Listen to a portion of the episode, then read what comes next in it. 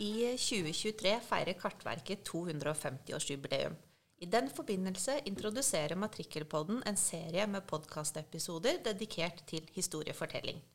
Matrikkelen er dagens eiendomsregister, og det vil derfor være fokus på eiendomshistorie i disse episodene.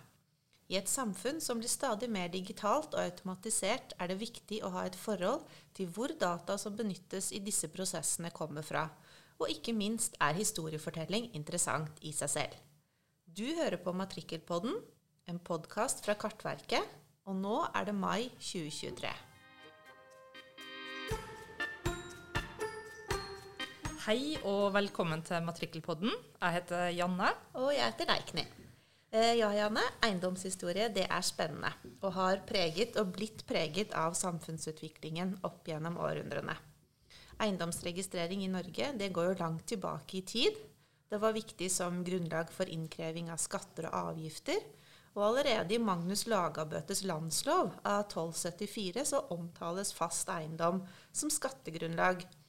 Og det antas at det ble ført lokale opptegnelser over matrikkelenheter slik at kongens menn kunne holde orden på innkreving av skatt og andre ytelser. Ja, det stemmer, og vi kan jo gå enda lenger tilbake i tid, så starter vi like godt med 5. Mosebok, 27. kapittel, vers 17. Der står det 'Forbannet er den som flytter sin nestes grensemerke', og hele folket sier amen. så, og hvis det var slik at noen skulle forbannes, som kan forklares med å gjøres fredløs, så var det et poeng å ha en oversikt over hvem som skulle kunne gjøre endringer på disse grensene uten å bli fredløs. Så historisk så er det kanskje å nevne at en av verdens eldste grunneiendomsregistreringer antas å stamme tilbake fra 2500 før Kristus. Eh, det finnes ei babylonsk leirtavle fra en plass som heter Gasur, som beskriver en rik manns eiendom. Ja, det er jo kanskje å gå litt langt tilbake i tid, men det er interessant at det fins så gamle nedtegninger over eiendom og eierskap. Og det er jo viktig å ha kunnskap om forhistorien til eiendomsregistrering for å forstå innholdet i både dagens registre og kart. Ja, og vi jobber jo med eiendomsregistrering. Når du sier kart, så er det jo det de fleste sikkert forbinder med Kartverket. Det er jo ikke så rart med tanke på navnet heller, da, for å si det sånn. Men uh, selv om vi kan si at starten var at det var Norges grensers oppmåling, og at det ble etablert 14.12.1773. Og Bakgrunnen for det var at den dansk-norske kongen ønsket å forberede seg i tilfelle krig med Sverige. Da fikk en kar med navnet Wilhelm von Hutt det oppdraget. Ja, og da har du jo hoppet litt fram i tid igjen. Eh, men absolutt viktig med 1773 og Kartverkets 250-årsjubileum, som jo er inspirasjonen til å lage en serie om nettopp eiendomshistorie. Og vi vil komme inn eh, på dette også i senere episoder. Men eh, nå må vi kanskje gå noen år tilbake igjen, da. Det gjør vi. Og et spørsmål som ofte kommer opp når vi snakker om kart, er når Norge dukka opp på et kart for første gang. Og her finnes det ulike kilder, men ofte så regnes eh, Olaus Magnus Carta Marina fra 1500-tallet som det første. Men før vi går litt mer inn på det, så må vi nevne noen andre kart som var eldre enn det ja, vi må jo helt tilbake til de tidlige ptolemaiske kartene over Nord-Europa, for der er også Norge tatt med. Eh, vi hadde et besøk her av professor emeritus Michael Jones ved Institutt for geografi på NTNU i Trondheim. Og han forteller bl.a. Um, om kart utgitt av Claudius Clavus som det eldste Nordenkartet fra 1427, og Nicolaus Germanus eh, trapezoidekart det er vanskelige ord, eh, over Norden fra 1482. Og for de som vil se disse kartene, og kanskje eh, se på andre kart også, så kan dere søke opp William B. Ginsberg sin bok fra 2006 eh, som heter 'Printed Maps of Scandinavia and the Arctic' fra 1482 til 1601. Så da har vi også referansene på plass. Ja, det er jo viktig. Vi har jo ikke funnet på alt det her sjøl, det skal vi innrømme. Men jeg må bare komme med et innspill. Hva er et eh, petolomeisk kart? Jeg trodde faktisk at det var en skrivefeil først når jeg leste første gangen.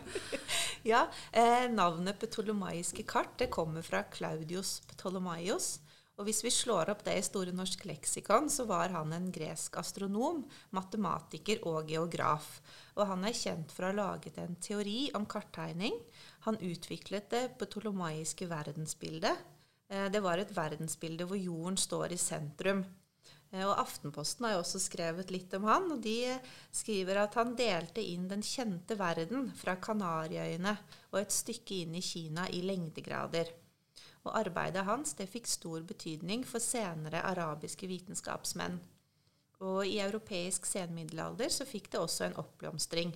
Men når vi snakker om han, så er vi helt tilbake til år 100-140 og i Alexandria. Så det er jo lenge siden. Ja, så vi får hoppe litt frem i tid igjen, og da, hvis vi kommer til 1400-tallet, hvor Norge var på kartet Men som sagt så regnes ofte Olevs Magnus Carta Marina fra 1500-tallet som det første.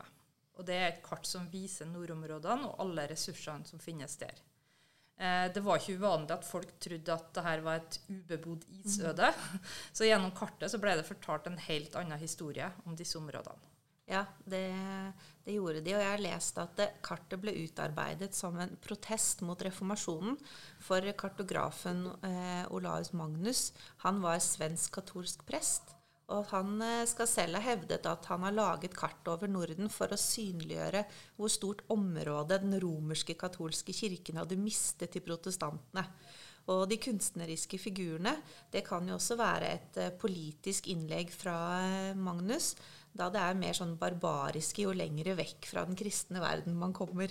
Ja, og maktmotiver kunne nok være en reell grunn bak noen av de her kartene. Men uansett så må jeg nok si at før vi fikk standardisering av karttegning, så var kartene vakkert utsmykka med alt fra om det er ekte eller ikke, da, sjøuhyre til de høyeste fjelltopper og seilruter for de som skulle ta seg frem. Absolutt. Eh, vi har allerede nevnt Jones, som jobber ved NTNU. Og han eh, har jo en oversikt som vi kan benytte over seks drivkrefter for kartlegging. Det kunne være religion, navigasjon, handel, eller det å skaffe kunnskap om verden, eller territoriell makt, eller militærmakt. Og det du sa nå, Janne, om de vakkert utsmykkede kartene, det er jo eksempler på noen av de drivkreftene vi hadde bak kartlegging. Ja, og skal vi se litt nærmere på hva som kan ligge i territoriell makt, så her nevner jo Jones stikkord som visuell kontroll, juridisk kontroll over ressurser og handel, skattlegging, grensegang og statsbygging. Mm. Og da passer det jo å komme tilbake til Wilhelm von Huth, grunnleggeren av Kartverket, og hans arbeid med å kartlegge områdene mot Sverige, som jo var viktig. Eh, og så får vi kanskje komme oss inn på eiendomshistorie. Eh, den kan selvfølgelig også kobles mot kart, f.eks. med tanke på at en del kart er lagd på bestilling av en eh, form for hersker som ville vite hvilke områder han hadde herredømme over. Men eh, vi får kanskje gå litt lenger ned i materien og stikkordet om skattlegging i Norge. Ja, Vi har jo allerede nevnt Magnus Lagabøtes landslov av 1274. Og hvis vi går noen hundre år frem i tid etter Magnus Lagabøtes landslov, så kommer vi til skattematrikkelen av 1647 og den gamle matrikkelen av 1665, da det ble bestemt at det skulle etableres et standardisert register over grunneiendommer på landet. Og dette registeret skulle ha skatteskyld som den sentrale informasjonen, men da inneholdt det ikke grenseinformasjon. Nei, Skatter og avgifter det kom vel godt med i de årene. Danmark-Norge var jo med i kriger, og en av de viktigste inntektskildene for staten var jo nettopp skatter. Og det hjalp jo ikke at det gikk tapt litt land også til svenskene. Nei, det stemmer. Og akkurat det at starten av kartleggingen av Norge knyttes opp mot behovet for skatter og avgifter, det skal vi komme inn på i de neste episodene.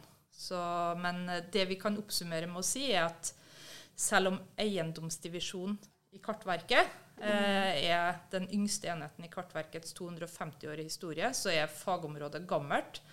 Og vår historie er tett knytta til norgeshistorien og samfunnsutviklinga generelt. Og det skal vi få frem også når vi snakker oss gjennom historien fra 1600-tallet og inn i vår tid i de neste episodene våre. Det blir spennende. Og med det så sier vi vel bare takk for i dag.